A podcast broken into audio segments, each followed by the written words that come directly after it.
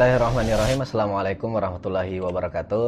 Eh, teman-teman, alhamdulillah eh, di siang hari ini di video ini kita akan kembali berbincang-bincang dengan eh, tokoh-tokoh inspiratif, tokoh muda inspiratif. Eh, sebelum-sebelumnya kita mungkin bahas tentang tema tertentu, isu sosial keagamaan.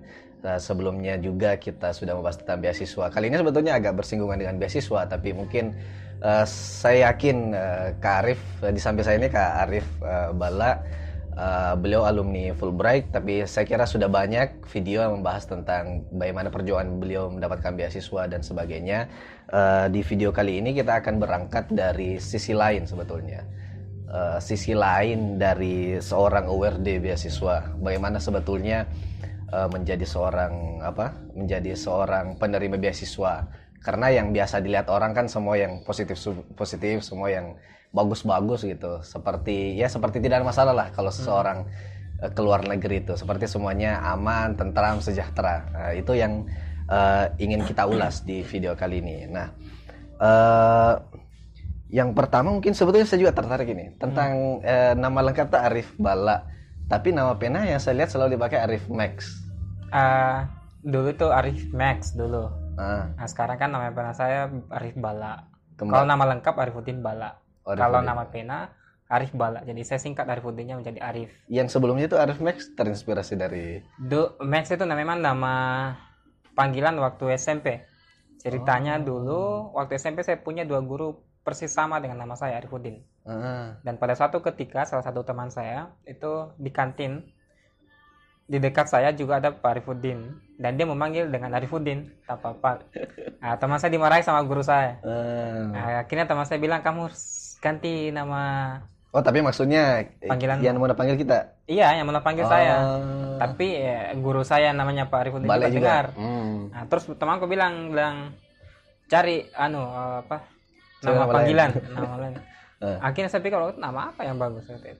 Nah, saya nonton film film Hollywood dan di situ ada anak uh, seorang anak-anak hmm. uh, remaja remaja laki-laki yang pemberani dan tiba-tiba saya merasa terinspirasi oleh namanya dan namanya adalah Max dan nama itu uh, bertahan sampai SMA kalau nggak salah sampai kuliah kayaknya uh, sampai kuliah beberapa teman yang memang benar-benar akrab uh, memanggil dengan karena yang yang pertama saya lihat itu tulisan-tulisan di Tribun oh, iya. di uh, koran itu masih betul. pakai nama Arif Max. masih uh, kemudian saya berpikir uh, ke sini saya pikir saya pikir nama itu terlalu kebarat-baratan okay. kemudian saya ganti dengan Bala itu nama bapak uh. itu kan kedengar lebih bugis ya. Okay dan uh, saya ingin orang menandai bahwa ketika melihat nama saya itu satu identitas dan mungkin identitasnya hmm. dikaitkan dengan Bugis juga. Oke. Okay.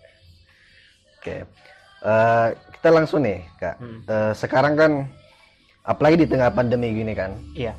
Uh, akhirnya orang kemudian berbicara tentang bagaimana metode pendidikan yang baik. Iya. Kemudian yeah. orang banyak beralih ke pendidikan online dan sebagainya. Sesungguhnya kan di apa di beberapa kampus luar negeri saya melihat beberapa di antaranya misalnya di Inggris itu sudah banyak yang menawarkan uh, apa program pembelajaran master misalnya dengan hmm. online right. distance learn, apa learning nah apakah sebetulnya uh, masih relevan ketika seseorang berkata sekarang bahwa uh, kuliah di luar negeri itu sebetulnya tidak jauh beda dengan kuliah di dalam negeri sama saja. Hmm. Kuliah di luar negeri ya mungkin pengalamannya saja yang berbeda karena yeah. langsung kontak dengan sana. Karena tapi kalau ilmunya sebetulnya sama saja. Yeah. apalagi sudah ada sistem online. Sebetulnya apa sih yang menjadi alasan utama seseorang itu untuk lanjut ke luar negeri? Uh, kalau pertanyaan itu ditujukan ke saya uh, yang pertama karena gratis oke okay. beasiswanya uh. uh, sekalipun online learning dan bisa diakses Indonesia kan tetap bayar toh hmm. nah, Terus uh, jadi yang pertama itu gratis. Yang kedua saya pikir saya keluar negeri bukan hanya untuk uh, sisi akademik, tapi ada sisi apa namanya? sisi kehidupan budaya dan kehidupan sosial yang ingin saya lihat. Dan itu yang saya pikir tidak bisa ditransfer lewat screen. Jadi dengan hidup di sana, dengan hidup di negara tujuan, apalagi dengan budaya yang sangat berbeda, hmm ada hal-hal yang tidak bisa di capture oleh layar hmm. seperti halnya uh, emosi uh, indera perasa itu kan tidak bisa di capture semua sama sama layar yeah. seberapapun canggihnya itu tidak bisa uh, bagaimana anda mencium rerumputan di pagi hari bagaimana anda melihat orang tersebut tersenyum? Jadi hmm, hmm. layar yang kecil ataupun lebar yang seperti laptop itu tidak bisa mengcapture semua sisi-sisi kehidupan uh, di luar sana. Dan ketika itu tidak bisa mengcapture semua sisi kehidupan itu maka ada bagian-bagian kehidupan yang terpotong. Hmm. nah dengan tinggal di sana kita kita akan merasakan makanannya berbicara mendengarkan uh, suaranya secara langsung. Dan itu uh, ada perbedaan ketika di antara oleh layar dengan bersentuhan dengan langsung. Okay dengan bagaimana dengan sisi keilmuan tadi? Ah. Karena kan ada yang mengatakan bahwa kalau kalau itu tadi kalau pengalaman oke okay, ya. yeah. itu jelas. Tapi kalau mencari ilmu katanya sama saja sebetulnya yang diajarkan di sini dengan yang diajarkan di sana. Right. Oh untuk jurusan tertentu uh, saya pikir bisa saja iya dan saya pikir memang prototipe uh, pendidikan ke depan memang akan seperti itu. Hmm. Uh, semuanya akan serba online dan itu bagus dalam banyak hal. Misalnya bisa uh, orang tidak lagi orang dari uh, berbagai kalangan itu bisa mengaksesnya dari hmm. berbagai negara bisa mengaksesnya. Uh, jadi bisa lebih jauh lebih heterogen uh, mahasiswanya di kelas online itu. Hmm. uh, itu sisi sisi positifnya. posisi positifnya. Tetapi saya uh, kalau saya pribadi belajar bagi saya itu bukan hanya soal materinya tetapi juga soal bagaimana saya bersentuhan dengan profesornya Uh, kalau misalnya uh, bagaimanapun canggihnya kuliah online atau pembelajaran online, itu tidak bisa sepenuhnya menggantikan pembelajaran offline. Betul. Itu tidak bisa sepenuhnya digantikan oleh uh, apa namanya guru, posisi guru atau dosen atau profesor itu tidak bisa sepenuhnya digantikan oleh teknologi, uh, teknologi atau uh, aplikasi dan seterusnya.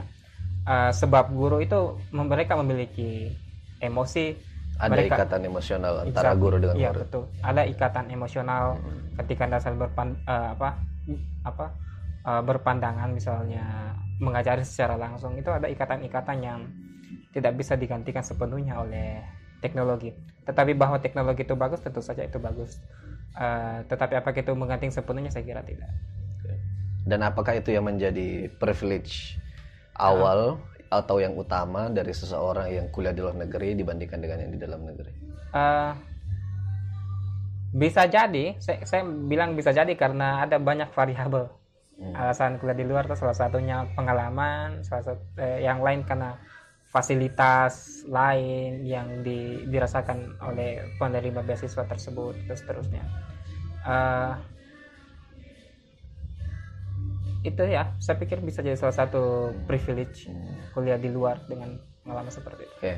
Nah, setelah kuliah di luar negeri dengan ah. berbagai macam uh, privilege itu, iya. yang sebetulnya tidak ditangkap oleh orang lain yang melihat kita ke luar negeri, itu kan ah. berarti sudah dapat beasiswa gratis, iya. ada jalan-jalannya lah, ah. jalan-jalan dalam, dalam arti mengalami secara langsung iya. uh, apa ekosistem yang berbeda dengan hmm. yang uh, di, di di tanah air kita. Ah. Sebetulnya sisi lain apa sih yang biasanya orang tidak melihat uh. dari mahasiswa yang sedang kuliah di luar Oke okay, oke. Okay.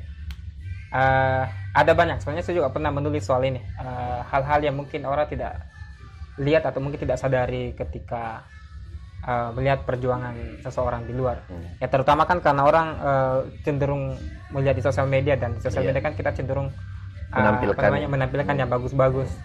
Karena memang kan psikologis e, masyarakat kita pada umumnya saya pikir orang yang suka mencat sehingga kalau misalnya menampilkan sesuatu yang sepertinya menderita itu dianggap lebay yeah. nah, karena orang selalu menganggap lebay akhirnya orang tidak mau cerita dan seterusnya padahal ada banyak sekali misalnya uh, beban atau tekanan ketika kuliah di luar sejauh yang saya alami dan mungkin juga Darul alami yeah. itu saya pikir berbeda dengan dalam banyak hal di dalam negeri misalnya tekanan tugas misalnya uh, itu mempengaruhi mental misalnya apalagi dengan banyak sekali tugas dan anda tinggal di luar yeah. kita kan ketika keluar kita meninggalkan zona nyaman yeah, betul. kita harus mencari lagi kafe mana yang misalnya bagus untuk hmm. mengerjakan tugas dan seterusnya jadi di satu sisi kita harus beradaptasi dengan lingkungan baru di satu sisi lain kita juga harus uh, berjuang untuk menyelesaikan tugas-tugas misalnya karena kita juga kita sadar bahwa kita menggunakan beasiswa hmm. dan uh, karena kita menggunakan beasiswa ada target-target yang harus kita yeah. penuhi misalnya Mini, kalau Fulbright minimalnya misalnya minimal B, minimal 3,0 IPK-nya. Hmm. Nah, tekanan-tekanan tersebut yang kemudian uh, tidak ditampilkan di sosial media. Ya kali misalnya kita di di perpustakaan nangis-nangis atau di lab nangis-nangis kemudian upload di sosial media kan yang tidak mungkin yang ditampilkan yang seperti itu. Karena uh, alih-alih mendapatkan misalnya simpati orang yeah. justru misalnya justru merundung atau membuli dan seterusnya. Uh, ada satu pepatah kalau saya mengatakan bahwa uh, ketika anda memposting sesuatu yang bagus uh, atau ketika anda memposting sesuatu yang jelek yang kurang bagus di sosial media maka 10% orang itu akan ikut bersimpati kalau yang positif Ah, 90% lainnya itu senang hmm. Anda Anda menampilkan sesuatu yang buruk ya. nah, sehingga kemudian orang cenderung tidak menampilkan sesuatu yang kelihatan buruk di sosial media. Nah, apalagi memang ada psikologi bahwa di sosial media kita cenderung ingin menampilkan sesuatu yang bagus-bagus. Padahal ada banyak eh, hal-hal uh, lain yang saya pikir uh, uh, jarang ditangkap, misalnya mental health atau masalah psikologis. Yang namanya orang di luar dan sendiri kan banyak sekali tugas itu bisa menyebabkan stres, depresi, apalagi kalau misalnya banyak tugasnya dan hmm. tugasnya kan uh, tidak mudah misalnya. Uh, plagiat ada cek plagiatnya, seterusnya tugas-tugasnya atau dosen-dosennya yang atau supervisornya yang uh, tidak selalu sejalan dengan pemikirannya si mahasiswa uh, homesick rindu orang tua atau rindu orang-orang terkasih misalnya uh, dengan jarak yang jauh dari Amerika misalnya itu kan hal-hal yang bisa membuat orang down. Apalagi kalau misalnya ada sesuatu yang terjadi pada keluarga kita katakanlah kemungkinan terburuk adalah misalnya orang-orang yang dicintai meninggal. Mm-hmm. itu bisa sangat mempengaruhi mempengaruhi mental. Dan dan uh, itu saya pikir jarang sekali dimunculkan di sosial media.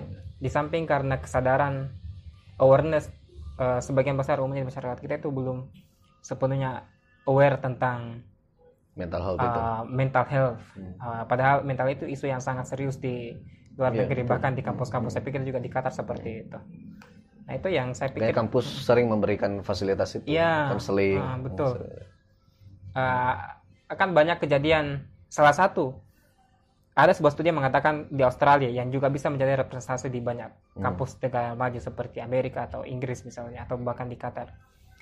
Uh, banyak mahasiswa yang bunuh diri karena stres, depresi dan seterusnya. Sebagian besar dari mahasiswa itu didominasi oleh mahasiswa dari Asia, hmm. terutama dari Cina karena memang Cina banyak sekali memang populasi mahasiswanya di luar. Dan kemudian Indonesia juga termasuk. Kenapa seperti itu? Karena uh, ketika kita memiliki masalah masalah mental atau masalah psikologis kita cenderung menyimpannya nah ketika itu tidak bisa lagi ditahan dan itu meledak orang bisa bunuh diri dan itu kan terjadi juga di, di masyarakat kita soalnya kalau orang cerita kan ditertawai yeah. dibully dibilang lemah lembek apa dan seterusnya uh, saya saya pikir itu mental health yang jarang dibahas dan jarang kita lihat perjuangannya seperti apa itu kan depression is a killer without face yeah, betul. Uh, dan itu yang dan saya pikir banyak mahasiswa di Indonesia sendiri yang stres hmm. bukan hanya di karena Indonesia masalah sendiri banyak iya karena yang tertekan apalagi betul, betul. di di luar uh. Semakin bertambah-tambah iya. tekanan-tekanannya hmm. nah uh, kemudian uh, ini kan kemarin pulang 2018 ya 2019 oh, 2019 Berarti sudah satu tahun. Satu tahun. Setahun balik. Nah, setelah pulang nih, ya. ini kan awalnya kan uh, setelah berjuang keras, uh -huh. dapat beasiswa, akhirnya pulang. Ya. Uh, masalah yang selalu saya dengar para alumni beasiswa uh -huh. luar negeri adalah kita tidak bisa menerapkan idealisme yang kita dapat di luar. Kita -huh. diajar kita idealisme yang terjadi di luar, kebudayaannya, misalnya yeah. budaya apa pun uh. itu, budaya birokrasi terutama. Yeah. Ketika pulang kan kita berbenturan, kita yeah. ketemu dengan realitas yeah. yang terjadi Betul. di negara kita apakah uh, menurut Kak Arif apakah itu menjadi salah satu hal yang menyebabkan beberapa orang tidak mau pulang ke Indonesia dan memilih menjadi diaspora di luar, hmm. membangun karir di luar. Yeah. Dan menurut Kak Arif sendiri sebetulnya sebaiknya alumni luar negeri itu pulang atau tetap berkarir hmm. di luar negeri? Uh, itu pertanyaan itu menantang dan menarik menurutku karena uh, alasan pulang ya saya pikir kebanyakan kontrak beasiswa itu memang mensyaratkan untuk pulang, pulang. Uh, dan kalau pulang kalau di Fulbright sendiri ada semacam sebelum berangkat itu ada ada semacam uh, persiap predeparture orientation atau persiapan keberangkatan. Nah kalau pulang ada lagi. Oh penyambutan. Iya penyambutan uh. kayak semacam uh, apa namanya ya? Uh, apa ya? tapi eh, itu istilahnya kayak dulu kan kita dipersiapkan kalau jangan sampai mengalami culture shock hmm. misalnya di Amerika sebelum berangkat. Nah kalau balik itu jangan sampai mengalami reverse culture shock. Nah kita kan bisa begitu ya? Iya. Jadi di di Fulbright itu ada yang seperti itu juga. Jadi ketika kembali uh, ada semacam penataran lagi. Kenapa sekacau ya, ini? Iya. Orang misalkan uh, di luar sebuah teratur ketika pulang tiba-tiba uh, berbeda sekali. Orang itu kan juga bisa menyebabkan stres seterusnya. Uh saya dulu juga uh, utamanya makanan tetapi dulu masalah saya bukan makanan jadi tiga hari pertama ya saya kan orang misalnya kita orang Makassar dan uh, suka contoh kan tidak boleh langsung yeah. nah, ada satu kejadian uh, dia baru balik dari Amerika dan dia salah makan semacam contoh dan itu meninggal De... karena dia langsung hantam itu kenapa karena makanan di sana di luar kan makanan yang selalu higienis yeah, seterusnya. Yeah. Nah kembali ke Indonesia makanan yang tidak terlalu higienis, yeah. ya perutnya kan belum adaptasi, yeah. itu kan langsung berbahaya untuk untuk perut. Jadi ada namanya reverse culture shock ketika tiba-tiba dari luar yang serba teratur yang serba maju kemudian ke Indonesia uh, tiba-tiba jauh sekali perbedaannya dan itu bisa menyebabkan stres. Uh, tetapi saya pikir itu sudah memang kita kan sudah tahu awalnya uh, kita awal sebelum berangkat sudah tahu bahwa memang Indonesia seperti itu jadi memang harus dipersiapkan juga secara hmm. saya tidak saya tidak terlalu heran sih uh, dan itu juga butuh waktu untuk beradaptasi kembali hmm. selalu selalu butuh waktu karena namanya reverse culture shock hmm. nah untuk pilihan karir sendiri nah. bagaimana uh, mungkin saya berbeda dalam beberapa hal untuk beberapa orang kalau saya sih misalnya uh, terlepas itu memang kebijakan beasiswanya atau tidak, mm -hmm.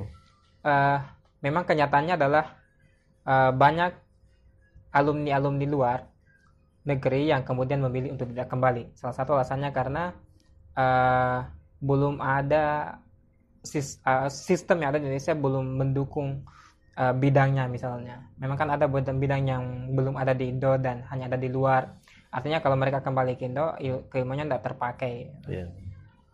dan uh, biasanya kan kalau kita bicara alumni alumni luar uh, tentu misalnya uh, pihak penyedia beasiswa menye menyekolahkan di luar karena memang memang didorong dipersiapkan supaya memiliki kualitas yang bagus uh, sehingga alumni alumni luar memang me memang di, seharusnya memang memiliki kualitas nah kalau misalnya memiliki kualitas uh, artinya mereka bisa bersaing dengan di luar. Uh, saya kurang setuju misalnya kalau uh, semuanya harus balik ke Indonesia, semua harus kembali ke daerahnya. Uh, mereka tidak boleh kerja di luar. Bagaimana misalnya kalau dia punya kualitas yang memang pantas Betul. untuk kerja di luar? Saya pikir mengabdi tidak harus disederhanakan dengan harus kembali ke Indonesia. Karena kualitasnya kan bisa menjadi mubasir tidak terpakai dan seterusnya bisa jadi kalau di luar itu kan bisa lebih terpakai dan itu tidak berpengaruh tentang uh, apa komitmen kebangsaan nasionalisme iya saya pikir tidak bisa se, diukur sependek itu bahwa ketika tidak di luar tidak kembali itu nasionalismenya tidak hmm. saya pikir justru ketika di luar itu bisa lebih kontributif lagi. Misalnya seperti ini ada profesor di universitas di Paris dan memang ini faktanya seperti ini karena beberapa lalu saya ada uh, seminar Zoom yang saya ikuti beberapa dengan beberapa mahasiswa dari hmm. berbagai negara termasuk dari Paris. Jadi orang orang Indonesia yang menjadi profesor di Paris. Dan itu kan uh, kalau saya di bidang teknologi something something kind of like that. Dan dia menjadi profesor di situ, artinya ketika menjadi profesor dan menduduki jabatan tertentu, Anda memiliki kewenangan, iya, kekuasaan. Dan profesor ini menggunakan kewenangannya untuk memperuntukkan 30% dari anggaran untuk orang Indonesia. Bus, itu keren. Nah, itu kan hmm. lebih kontributif. Ya, Jadi orang-orang 30% itu diperuntukkan untuk orang Indonesia. Hmm. Coba misalnya kalau misalnya banyak profesor yang melakukan hal yang sama, hmm. misalnya. Kita tidak me, me, me, apa, mengatakan kemudian bahwa yang tinggal di sana itu tidak nasional seterusnya. Itu kan bisa lebih kontributif lagi. Contoh yang lain misalnya. Uh, dulu Cina, uh, saya lupa tahun berapa tetapi uh, dulu Cina meng, memberikan beasiswa yang banyak sekali, jadi mengirimkan warganya untuk sekolah di luar negeri Uni Soviet, Amerika Serikat, bahkan ke Jepang seterusnya. Nah, memang salah satu syaratnya untuk itu harus pulang. Tapi kemudian karena melihat kenyataan bahwa banyak orang Cina uh, yang kemudian lebih milih untuk tinggal di luar, kemudian uh, aturan itu direvisi. Uh, hal yang sama kalau misalnya kita lihat ke India. Iya. Ke India. India banyak sekali uh, di mana-mana. Siapa CEO Google sekarang? Uh, uh, dengan tinggal di Amerika, misalnya, CEO Google yang berasal dari India, siapa sih namanya? Uh, dia bisa lebih kontributif terhadap India karena banyak sekali program-program uji coba Google yang dilakukan di India. Nah, tentu saja orang-orang yang kemungkinan tarik untuk ke Google itu kan ke, mempermudah akses. Nah, artinya ya orang yang tinggal di luar itu bisa jadi jauh lebih kontributif. Nah, karena soalnya kalau dia bisa bekerja di luar, artinya dia punya kualitas. Jadi itu kan bisa membangun networking dan jadi ada di di luar di pusat kemudian menghubungkan di dari itu untuk menarik ya untuk lebih untuk, banyak untuk menarik hmm. terusnya jadi saya pikir kalau tidak harus uh, tidak harus balik ya tapi tentu saja itu pendapat pribadi saya dan itu bisa kembali ke tapi dari uh, segi kebijakan menurut tak seharusnya apakah mengikuti kebijakan Cina tadi seharusnya memang diperhatikan kasus per orang hmm, itu. Iya, saya pikir perlu untuk diper, diperhatikan uh, per orang ke kebijakan tersebut. Uh, kalau misalnya peluang untuk di luar saya kira uh, beasiswa bisa bisa melihat kalau misalnya lebih kontributif. Uh, walaupun misalnya banyak juga misalnya memang mempersyaratkan tetapi ada juga kebijakan misalnya. Harus kembali dua tahun tapi uh, harusnya kembali ke data itu bisa dikecualikan misalnya kalau langsung lanjut PhD dengan hmm. catatan misalnya Fulbright mendapatkan beasiswa dari kampus tapi nanti harus kembali ke Indonesia nanti setelah yeah. dua tahun baru kembali lagi ke ke sana uh, itu kembali lagi ke beasiswa, penyedia beasiswa sih. Um, kalau memang bisa lebih kontributif di luar ya why not? Walaupun juga ada kenyataannya bahwa ada beberapa orang yang memanfaatkan beasiswa. Hmm. tertentu mungkin dari pemerintah yang untuk kepentingan pribadinya misalnya hmm. menikah dengan orang di luar dan kemudian berpindah negara pada studi BI dan tidak ada kontribusinya ke Indonesia ya itu harus di harus diusahakan. Itu itu melanggar karena menggunakan uang. Beasiswa kan uang rakyat juga. Saya pikir ya itu sih ada uh, saya pikir tidak ada hal lain yang mungkin perlu untuk dipertimbangkan. Mungkin perlu dilihat case per case. Yep. Nah uh, ketika menjadi sama seperti anu sih uh, kalau kita tadi bicara tentang uh, nasionalisme itu yang selalu kalau secara pribadi saya itu selalu melihat uh, apa kasusnya Pak Habibie yeah. almarhum oh, yeah. beliau kan sudah sampai vice president di yeah. perusahaan yang sekarang membuat uh, Airbus kan. Uh-uh. Uh, sebelum balik beliau seperti tadi hmm. menarik beberapa timnya yang kemudian timnya inilah yang kemudian membantu untuk membuat N250 Gatot Kaca itu. Uh, tapi uh, di satu sisi ketika saya melihat kasus orang-orang yang sukses di luar negeri, nah. uh, selalu itu tadi selalu uh, ada ada perasaan mungkin merasa bersalah ya, mungkin merasa hmm. tidak enak karena kalaupun kita sukses di luar hmm. ada hubungan emosional yang jauh yeah. terutama dengan orang tua ah. karena uh, ada beberapa lah ada beberapa profesor yang saya yeah. tahu yang kemudian saya saya lihat bagaimana aktivitasnya kemudian uh, di saat-saat orang tuanya di masa-masa akhirnya hmm. dia tidak bisa itu kan salah satu apa ya uh, bisa dibilang bu, bukan dampak negatif sih apa ya hmm. sisi sisi sisi sisi negatifnya mungkin sisi hmm. negatifnya dari ketika kita berkarir jauh yeah. dari orang tua right. karena kan di apa semasa kita hidup kan kita tahu orang tua yang hmm. membesarkan kita dan seterusnya tapi toh gara-gara mengejar karir misalnya yeah. gara-gara uh, taruhlah kita menyebutnya demikian gara-gara yeah. mengejar karir uh, akhirnya kita terpaksa harus berjauhan yeah. dengan Betul. orang tua hingga akhir-akhir masanya seharusnya idealnya kan kita dekat dengan orang tua merawatnya yeah. secara langsung Betul. dan seterusnya tapi gara gara-gara mengejar karir itu oh. menurut Kak Arif bagaimana dalam soal seperti ini? Iya setiap pilihan pasti punya konsekuensi. Iya konsekuensinya. Uh, dan bisa jadi kalau anda berkarir di luar itu satu konsekuensinya jauh dari orang dari tua. orang tua. Hmm. Uh, saya juga tidak ingin serta merta menjudge bahwa misalnya orang yang tidak merawat orang tuanya adalah orang yang misalnya kita kan bisa berbagi peran misalnya mungkin hmm. ada uh, saudara saudara yang di kampung yang bisa membantu mungkin hmm. kita bisa membantu dengan finansial tentu saja tidak bisa di digantikan kalau misalnya okay. tetapi uh, saya kira keluarga bisa bekerja sama karena ada tujuan besar yang ingin dicapai. Dan ketika ada tujuan besar yang ingin dicapai misalnya itu bisa sambil bekerja sama. Misalnya ada di luar kemudian ini membantu PBN dan seterusnya. Kalau misalnya uh, kemudian kembali tapi uh, tidak juga bisa maksimal kan juga uh, apa namanya uh, sama sih. Tapi kalau misalnya ada satu yang didorong di luar kemudian keluarga yang lain bisa saling membantu I think it will be fine. And, uh, dan dan juga ya betul bahwa uh, orang tua itu harus dirawat seterusnya. Hmm. Tetapi kan uh, kondisi keluarga setiap orang kan bisa berbeda-beda. Yeah, ada yang bilang bahwa keluarga itu adalah surga. Ya. Oh. Tapi ada juga yang bagi beberapa orang keluarga itu adalah neraka misalnya. ya kan?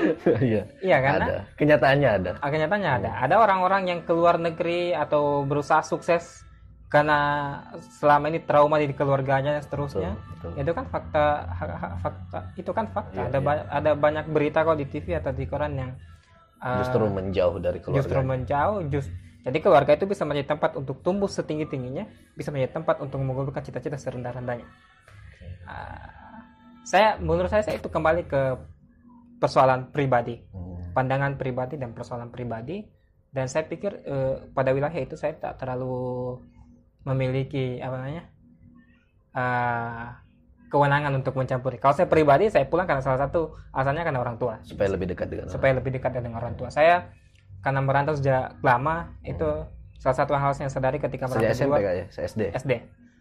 Adalah wow. saya saya menyadari bahwa ternyata ada sekian tahun uh, saya tidak melihat orang saya kehilangan momen untuk melihat orang tua saya menua. Hmm uh, pernah satu ketika tiba-tiba saya pulang dan tiba-tiba saya sadar bah, su sudah begitu banyak uban yang tumbuh di kepala orang uh, ibu dan bapak saya dan uh, jalannya tidak lagi setegar dulu. Dan itu kemudian menyadarkan saya bahwa ada begitu ternyata uh, banyak momen atau waktu yang yang dilewatkan. yang dilewatkan hmm. tanpa bersama dengan orang tua. Dan pada titik tertentu itu ya uh, membuat saya sadar uh, untuk misalnya kembali. Walaupun tentu ada juga faktor-faktor yang lain. Salah satunya karena kebijakan beasiswa saya harus kembali ke Indonesia dua tahun. Melebar sedikit ke ah. wilayah itu, uh, tapi masih bersinggungan sih. Uh, ketika melihat tokoh-tokoh sukses, hmm. terutama yang misalnya yang berkarya di luar negeri, saya kadang-kadang uh, ketika membandingkan ya membandingkan dengan iya. bagaimana hubungan dia dengan keluarga terutama iya. dengan anak sih hmm. karena saya beberapa beberapa tokoh yang saya lihat itu akhirnya ada yang terpisah suami istri iya. beda negara hmm. ada yang terpisah dengan anaknya iya. ada yang gara-gara berkarir di luar negeri anaknya di sini akhirnya anaknya iya. terpengaruh dengan pergaulan iya. yang yang kurang baik right. Right. Uh, menurut bagaimana apakah itu menjadikan reputasinya sebagai tokoh yang sukses itu sebetulnya menjadi tidak begitu sukses hmm. karena anaknya ternyata, maksudnya gara-gara karirnya hmm. uh, ternyata urusan keluarganya tidak begitu baik. Hmm, yeah. uh, saya sebenarnya uh, lebih cenderung untuk menghindari mengomentari yang wilayah seperti itu kan masuk ke wilayah privasi hmm. seterusnya wilayah ya tergantung tapi tapi maksud saya uh, definisi sukses yang ideal menurut tak huh? untuk mendefinisi sukses yang ideal menurut tak antara uh, dilema antara pilihan karir dengan terus bersama keluarga misalnya. Ah. Dalam kondisi seperti itu pilihan apa yang akan kita pilih? Uh, saya sebenarnya tidak menyukai kalau dikasih pilihan seperti itu. Menurut kita pilihan yang jahat karena saudaranya keduanya bisa berjalan beriringan. uh. Uh, iya sih ada memang beberapa orang yang kemudian uh, ber, keluarganya ber, apa namanya berpecah belah karena mengejar studi di luar, jangan mengejar karir di luar, bahkan studi pun hmm. itu bisa me merenggangkan hubungan. Ada ada yang saya tahu karena dia kuliah di luar, kemudian uh, dia cerai dengan keluarga istrinya. Uh, dia cerai dengan suaminya karena istrinya yang di luar, ternyata suaminya di belakang yang selingkuh. Dan bahkan bukan cuma yang sudah menikah, yang belum menikah pun misalnya itu bisa jadi oh, LDR, gara-gara LDR. LDR. Uh, ada setengah mati kuliah di luar, kemudian di belakang ternyata katakanlah mungkin tendangan ternyata selingkuh terusnya itu salah satu dampak yang bisa ditemukan tetapi uh, misalnya apakah harus karir dulu atau keluarga, keluarga dulu itu uh, pertanyaan yang berat. Apalagi saya belum berkeluarga jadi. Insya Allah secepatnya tapi ya tentu bagus kalau misalnya bisa sama-sama keluarga di luar. Karena ada juga saya lihat banyak beberapa teman yang uh, sama-sama keluarga di luar membawa istrinya dan uh, anak-anaknya di luar ya tentu tentu beda-beda lah kasus setiap keluarga. Karena ada juga yang pasangannya harus bekerja dan terikat dengan perjanjian karena di ASN seterusnya. Saya pikir itu kembali lagi ke masing-masing. masing-masing. Saya sulit untuk mengomentari untuk wilayah itu. Tapi menurut family first. Kalau saya sih uh, family first. Ya. okay. bagaimanapun ya, keluarga tetap. Ya tentu yang saya maksud dengan keluarga adalah keluarga yang uh, keluarga inti barangkali yang benar-benar uh, mendukung. Yeah, karena uh, frase keluarga juga itu bisa tidak sesempit karena yeah. pertalian darah. Uh, bagi saya keluarga orang-orang yang membantu saya pada saat masa-masa sulit dan hadir di sana untuk mendorong saya bagi saya itu keluarga. Karena banyak juga keluarga yang hanya karena ada kata keluarga yang kemudian merasa memiliki hak prerogatif untuk terlalu mencampuri termasuk menentukan pilihan hidup. And I hate that. Oke, okay, nyambung deh. Nah. Langsung nyambung ke bagaimana sih sebetulnya hmm. Kak Arif nih dengan berbagai macam. Sekarang di banyak tulisannya itu sangat sangat jelas tergambar bagaimana yeah. Kak Arif ber apa dialektika dengan komentar-komentar orang lain. Oh iya, iya. Karena ada penulis yang mungkin tidak mau memasukkan, tidak mau membahas itu. Yeah. Tidak mau membahas komentar orang lain terhadap dirinya. Tapi yeah, yeah. di tulisan-tulisan Kak Arif uh, Kak Arif menyempatkan untuk membahas itu. Uh. Bagaimana sebetulnya kita melihat komentar-komentar orang lain, baik itu yang suportif tadi maupun yang yang yang berdampak negatif. Karena kan yeah. ada orang yang berkata bahwa kalau mau sukses ya jadilah menjadi seperti orang tuli gitu. Uh. Seperti katak, eh, selalu ada cerita tentang itu ada katak, jadi ada perlombaan katak untuk naik di menara, yeah. Iya. uh, melompat melompat melompat, yang uh. lainnya berjatuhan. Ada satu nih yang bertahan. Uh. Setelah ditelusuri ternyata katak itu tuli. Nah itulah uh. yang menyebabkannya dia bisa sampai di itu yang pernah saya dapat. Menurut yeah. Karif, apakah memang kita harus tuli seperti itu atau bagaimana? Iya. Uh ada juga yang bilang jangan lihat siapa yang bilang tapi okay. bil, uh, dengar uh, uh, perhatikan apa yang dikatakan apa yang dikatakannya uh, at some point itu bisa benar tetapi pikiran kritis saya setiap kata-kata uh, setiap pepatah atau apa sih istilahnya proverb seperti itu bisa dikritisi soalnya hmm. saya sih uh, selalu memperat selalu punya filter hmm. saya sel saya, saya selalu mendidik diri saya untuk menjadi kritis jadi ketika ada yang meng mengomentari, memberi nasihat, saya selalu bertanyakan, is that true? Is okay. that right? Why he said like that? Apakah itu punya landasan yang kuat seterusnya? Apakah ada cara lain? Nah, itu yang selalu saya saya pernah Jadi selalu ada filter bagi saya. Uh, sehingga kemudian filter ini yang yang menyis, menyisikan mana komentar-komentar yang perlu saya dengarkan, mana komentar-komentar yang perlu, tidak perlu saya dengarkan. Karena kalau kita kita hit, tidak hidup untuk menyenangkan semua orang. Betul. Ada orang-orang yang mungkin senang dengan kita, ada juga orang-orang yang tidak senang dengan Dan kita. tidak mungkin menyenangkan semua orang. Betul, tidak mungkin menyenangkan semua orang. Dan kita memang tidak terlahir untuk menyenangkan semua orang. Hmm. Uh, ada orang-orang yang misalnya ingin juga menyetir kita, misalnya hmm. uh, harus kita harus sesuai dengan apa yang dia mau, pada seterusnya. Uh, tetapi menjadi masalah misalnya kalau orang itu tidak punya kontribusi ke ke diri kita misalnya. Yang saya pelajari dalam diri saya adalah saya uh, sejak kecil sudah independen. Ada banyak keputusan-keputusan misalnya yang kemudian saya putuskan sendiri. Tentu dengan konsekuensi yang juga harus saya tanggung sendiri. Hmm. nah ketika saya misalnya sampai pada titik ini ternyata ada juga orang-orang yang berusaha uh, hanya karena ber, ber, berlandaskan misalnya atas nama hal-hal tertentu kemudian berusaha untuk mempengaruhi pikiran saya. Saya selalu menghargai bahwa setiap orang ingin berkomentari, ingin menasihati, hmm. ingin apa namanya, uh, saya menganggap sebagai tanda sayang atau seterusnya. Walaupun tidak selalu seperti itu. Saya selalu selalu kritis siapa yang bilang hmm. benarkah apa yang dia katakan, apakah ada cara lain untuk melihat itu dari sudut pandang berbeda. Jadi uh, saya selalu uh, bersikap kritis sehingga kemudian sikap kritis tersebut kemudian memungkinkan kita untuk memfilter mana yang perlu didengarkan, mana yang tidak perlu didengarkan. Karena kalau kita mau dengarkan semua pusing kepala, dari stres orang kalau saling saling bertentangan antar betul, satu saran, ah, antar satu pendapat ah. dengan pendapat yang lainnya. Baiklah, uh, uh, itu tadi mengenai komentar kita dengan orang lain dalam hmm. jenjang karir, sekolah dan dan seterusnya. Yang terakhir mungkin ini kak di penghujung video. Yeah Uh, saya dengar sedang membangun sebuah platform baru, oh, ah. uh, platform yang membahas tentang bahasa. Bisa uh, dijelaskan ya, apa? So, nama platform itu namanya The Shua. Uh, hmm. Itu bahasa apa itu? The Shua itu bahasa Inggris yang berasal dari bahasa Jerman.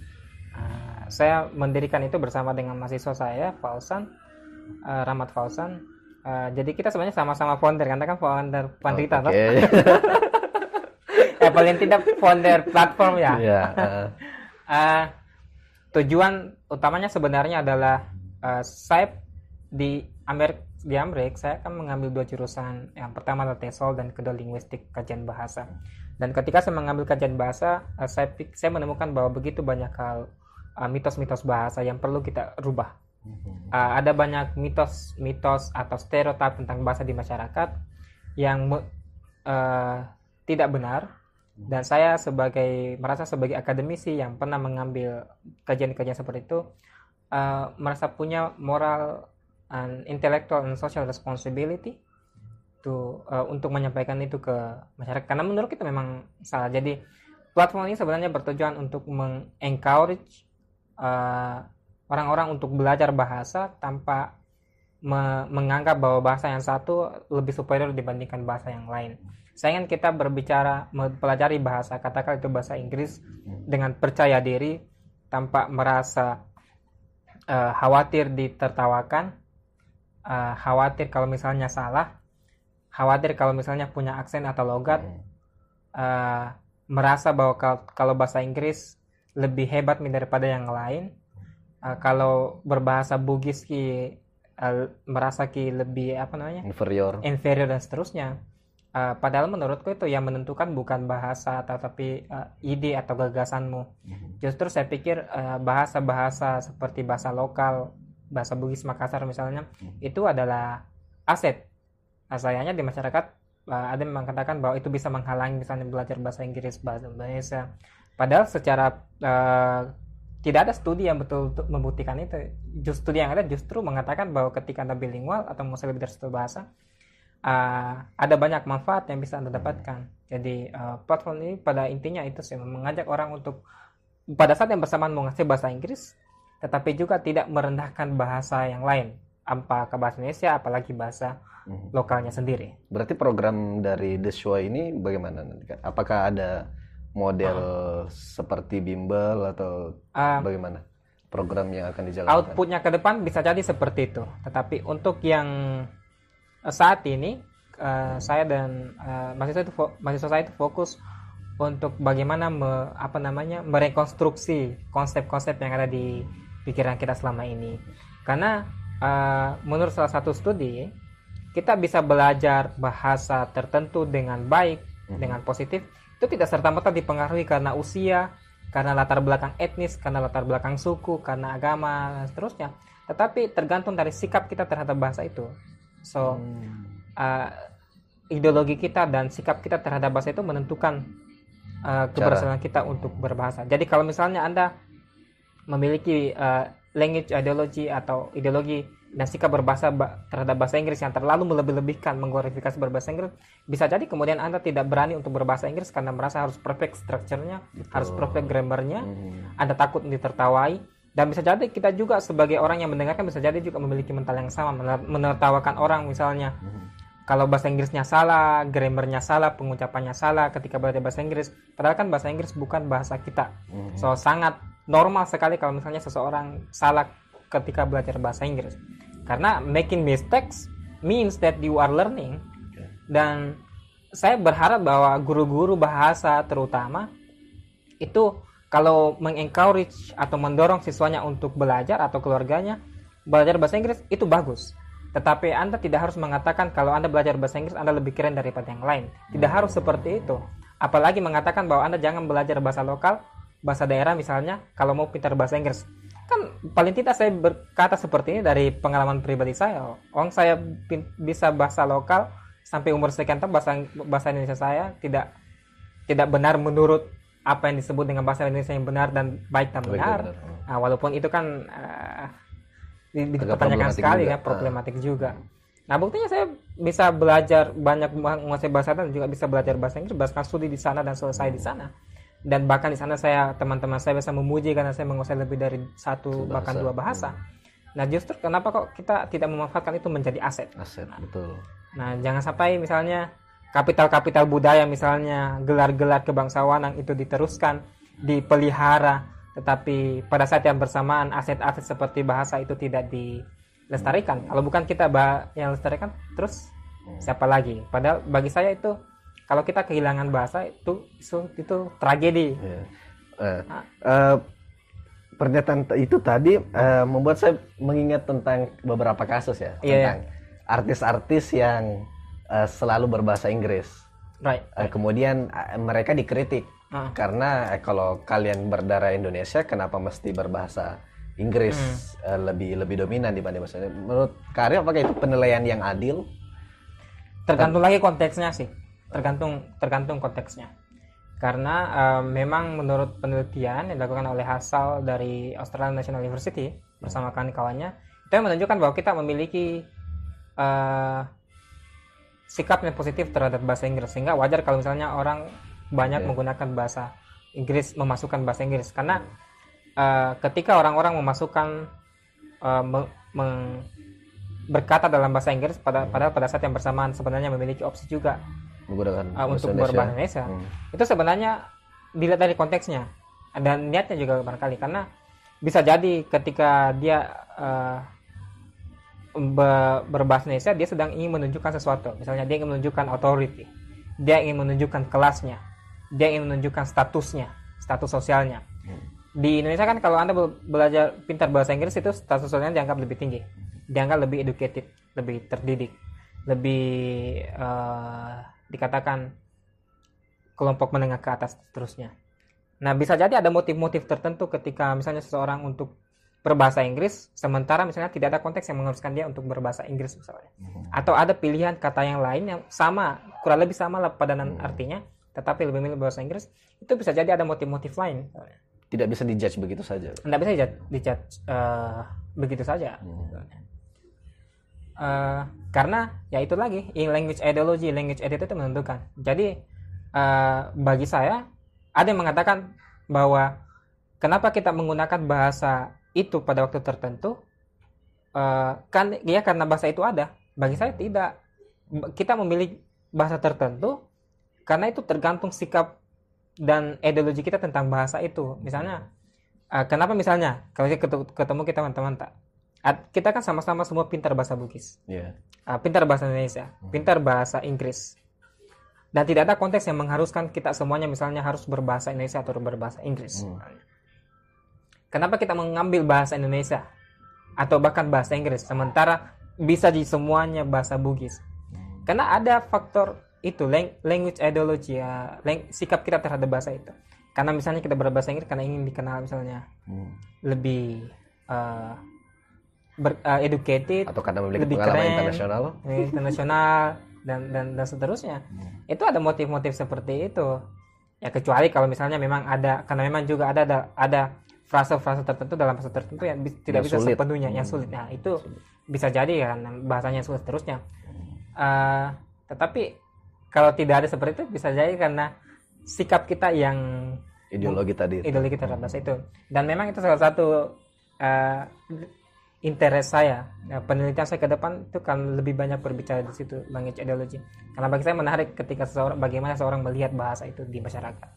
Karena itu bisa menentukan sikap baik ke itulah tadi bincang-bincang kita ya. soal mulai dari soal sisi lain luar negeri tentang uh, apa research interestnya Kak Arif soal uh, language ideology kemudian uh, secara umum tadi kita bi berbicara tentang pilihan karir yeah. uh, seseorang yang mendapatkan beasiswa di luar negeri dan setelah kembali dan dan masih banyak lagi. Sekarang teman-teman bisa semoga bisa mendapatkan manfaat. Mungkin tidak semua, tapi minimal satu lah. Ada satu yang poin yang bisa didapat yang bermanfaat dari video ini. Sekali lagi terima kasih banyak kak, uh, kak Arifuddin Bala atas waktunya kesempatannya di video saya kali ini.